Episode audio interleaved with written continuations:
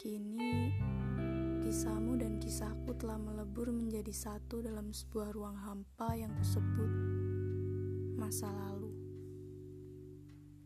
Di sana tak ada apa pun kecuali puing-puing kenangan yang dulu pernah kita bangun sama-sama. Ternyata yang pernah sepenuh hati pun tak selalu selamanya. Kita tak lagi bisa mengiyakan perbedaan, atau aku yang terlalu memaksakan. Entah, kini aku pun tak bisa menyalahkanmu, lalu juga tak pernah bisa menyalahi diriku sendiri, sebab mungkin semesta telah menakdirkan kita bertemu.